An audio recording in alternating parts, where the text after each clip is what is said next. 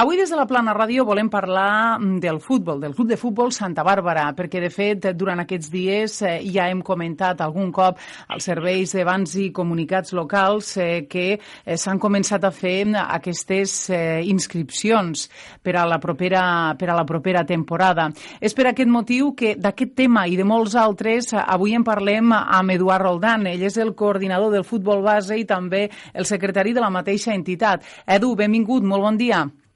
Hola, bon dia, Tere, gràcies. Bé, primer que res, anem a parlar de totes les activitats que porteu a terme al club. Una de les més immediates va ser el passat dilluns, que es van fer revisions mèdiques a l'estadi.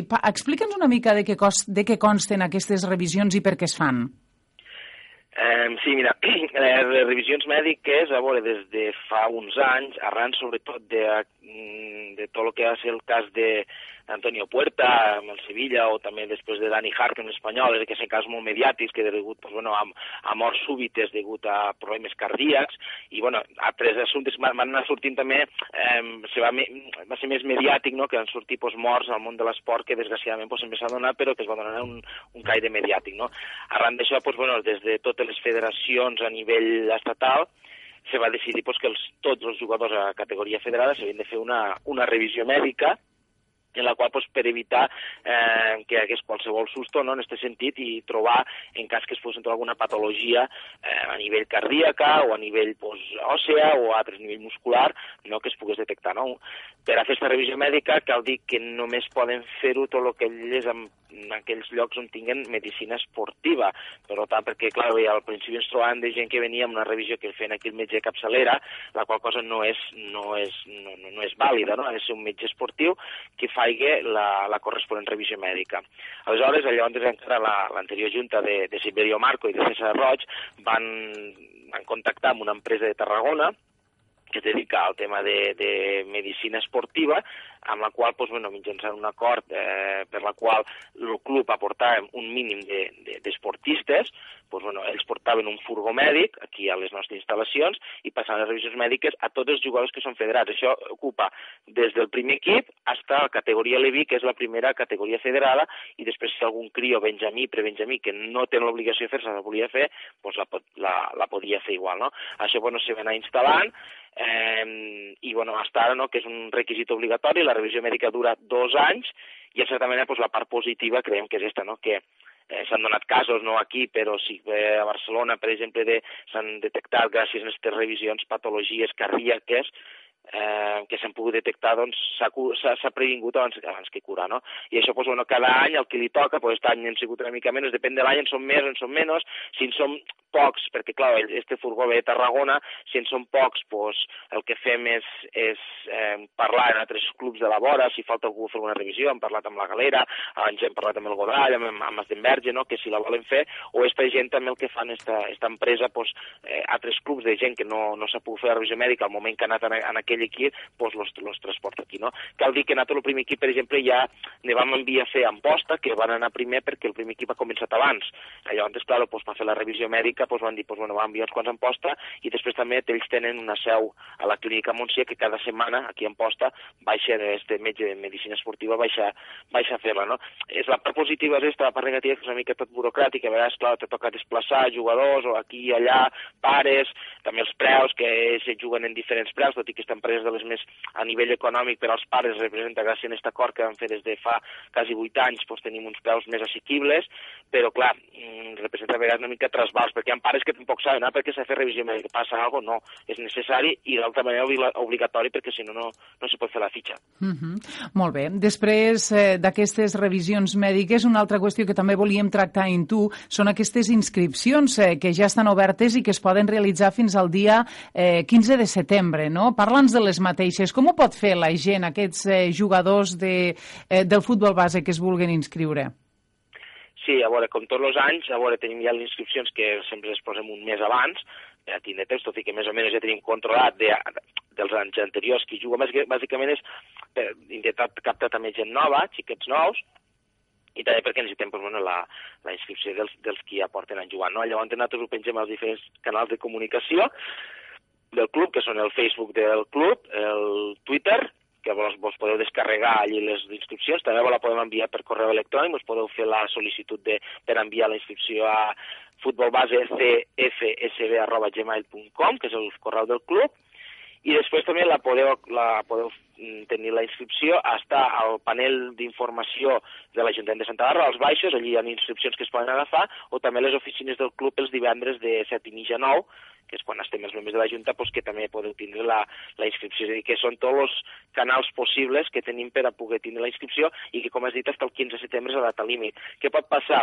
Ens podem trobar, que això ens han passat anys, que arriba gent... El 15 de setembre és la data límit. Hi ha hagut anys que hem agafat, evidentment, inscripcions. Tot depèn del número de jugadors. Si, per exemple, tenim un equip que està molt just o que no, els jugadors pues, una plantilla curta i algú ve després del 15 de setembre, evidentment hem agafat inscripcions, però pot passar al revés, que tinguéssim una plantilla que abans del 15 de setembre estigui plena, estigui completa, i que la gent vingui abans del 15 de setembre i digui, home, eh, encara no estem a 15, sí, però és que la plantilla està completa. Això ho especifiquem, és a dir, les plan...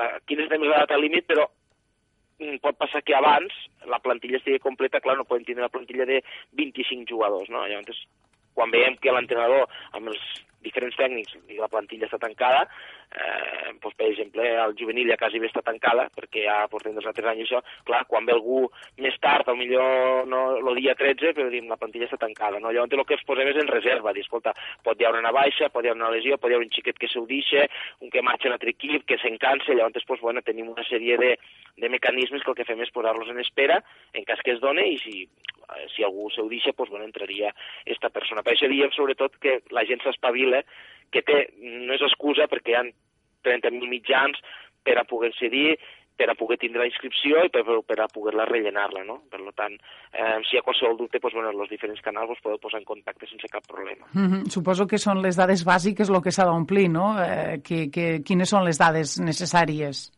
Sí, bueno, nosaltres el que fem dades bàsiques, és dades eh, a nivell de, del xiquet, del jugador, dades eh, a nivell del pa, del, dels pares, tutors, també tot el que és tema de telèfons, que això és molt important, correus electrònics, perquè si passa alguna cosa, sobretot a nivell de telèfon, que sempre tinguéssim un contacte ràpid a punt, eh, dades, evidentment, a nivell de, de pagament de quotes, després el tema de la roba, la roba que necessiten, eh, que això ja directament nosaltres posem en contacte a l'empresa subministradora que és JF Sports, vale? la roba que necessitem, la roba obligatòria no? que, que, que fem, que tenim els jugadors, i després pues, bueno, tot el que són les, les, eh, la, la signatura per, per tenir en compte tema de menors, tot el que és la, la publicació al Facebook, tema de desplaçaments, tema de mitjans de comunicació, no? que necessitem una autorització per a, per a poder pues, realitzar aquestes tasques. No? Uh -huh. Eduard, a principi del mes d'agost ha començat ja la, la nova temporada, una nova temporada que comença segurament amb canvis substancials. Entre aquests canvis, canvis d'entrenador de, i segurament que també nous fitxatges. Què ens pots dir al respecte? Bueno, sí, l'any passat, a nivell, a nivell de primer equip, eh, bueno, va, ser, va acabar una mica de, amb certa decepció, amb cert mal gust de boca, no? els últims partits, degut bàsicament al que va succeir a Batea, no? que en certa manera va perdre les, les possibilitats que teníem d'ascens. Clar, l'any passat va ser un esforç titànic a nivell de, de, de fitxatges, en portar jugadors amb un catxe important, i clar, aquest any estem una mica amb aquell esforç ningú que contraure, no? A veure, el tema, doncs, bueno, nosaltres eh, vam acordar amb l'entrenador aquestes últimes temporades, Joan Subirats, vam acordar doncs, bueno, no, no continuar amb aquesta relació. Cal dir que Joan continua com a vocal del club, ja que és membre de la Junta, eh, però bueno, agrair-li totalment la feina que ha fet durant aquests tres anys, una feina que ha fet de forma desinteressada, sense cobrar, que això és molt important dir-ho, i que, bueno, que ha mantingut la il·lusió d'aquestes últimes temporades fent tres campanyes molt bones, no?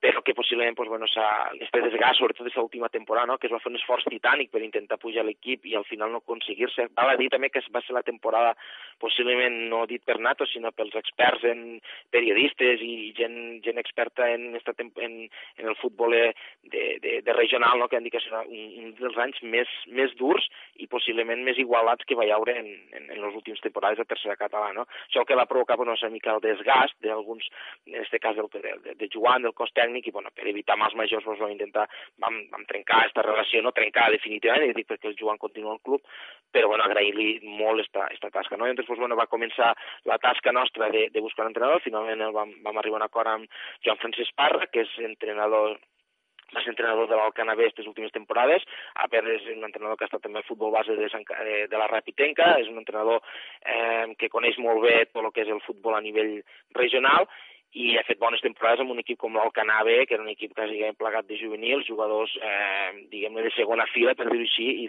l'ha mantingut, el va mantenir des de les últimes temporades a la categoria, i de moment, doncs, bueno, el treball amb ell està sent molt bo, la directiva estem molt contents, és un entrenador molt dialogant, eh, un entrenador que, bueno, doncs, eh, coneix les limitacions, sap cap on anem i és un entrenador que és el primer o com us agrada dir, no? el primer en entrar al camp i l'últim en marxar de l'entrenament. No? Llavors, doncs, bueno, evidentment, pels jugadors que hem intentat mantenir el bloc també és un canvi substancial, però crec que a poc a poc no, pues, pues anirem introduint, tenint en compte les nostres, quines són les nostres limitacions, tenint en compte que si una temporada pues, que no, a lo millor no tindrem, no, no som un dels favorits per a pujar com va la temporada passada, però a vegades mira el que, el que diem, no? l'any passat érem favorits, no vam pujar, i aquest any eh, doncs igual no sent tan favorits, no, no, igual donem la sorpresa, no? A nivell de fitxatges, doncs, han intentat cobrir una miqueta les baixes que, que han hi ha hagut, i bueno, s'han fitxat doncs, bueno, un davanter, Toni Calafat, davanter Tortosa, que és l'únic jugador de Bren que ha hagut que ha jugat a la cantera del Real Madrid, ha jugat a la cantera de l'Espanyol, i després bueno, l'entrenador ha portat dos jugadors del, de l'Alcanar, del, de la seva confiança, per intentar suplir algunes baixes que hem tingut, i d'altra banda doncs, no estem pendents encara del, del mercat que es diu, no? perquè doncs, bueno, ara quan comença la temporada solen hi haure descart, de, se solen descartar jugadors d'altres equips, no? és un bon moment per a, per intentar doncs, a buscar jugadors eh, que puguen ser interessants. No? Eh, destacar a nivell també d'aquesta pretemporada la gran confiança que està donant part amb els juvenils, han debutat fins a set juvenils i ja queda clar que tenen en compte que és una plantilla curta, que 3-4 juvenils eh, jugaran assíduament amb, amb el primer equip, alternant el juvenil al primer equip, el qual és molt important per a nosaltres perquè, com dit la Junta, les claus que teníem era que s'havia de fer un equip intentar, que és el que s'ha mantingut, la base de gent del poble i apostar pels juvenils que d'altra banda jugant ja ho havia fet i que Parra ha continuat amb, amb, esta, amb esta didàctica, no? que és el que nosaltres volem, no? que donar, apostar pels, per l'equip juvenil. Molt bé. Bé, estem a punt d'acabar, però no acabem sense parlar de la triangular que es farà en quant a la presentació del primer equip. Parla'ns del dia que, que serà, quins seran els equips que s'enfrontaran. Uh -huh.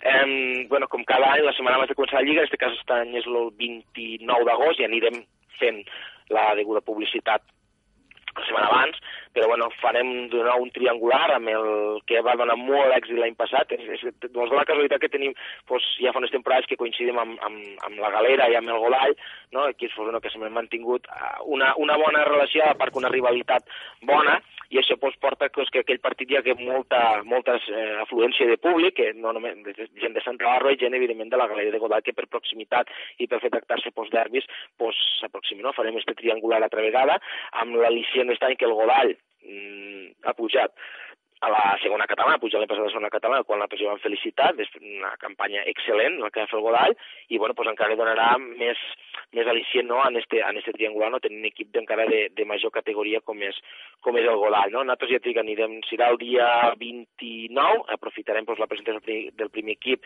com fet tots els anys, per a, per a jugar aquest triangular i bueno, ja anirem comunicant pels diferents mitjans pues, el, els equips, i, bueno, els equips ja estan confirmats, sinó l'hora de començament de, de tant de la presentació com després dels, dels diferents partits. Molt bé. Eduard Roldán, durant aquesta temporada seguirem també de prop totes les activitats del Club de Futbol. Gràcies. Molt bé, gràcies a vosaltres.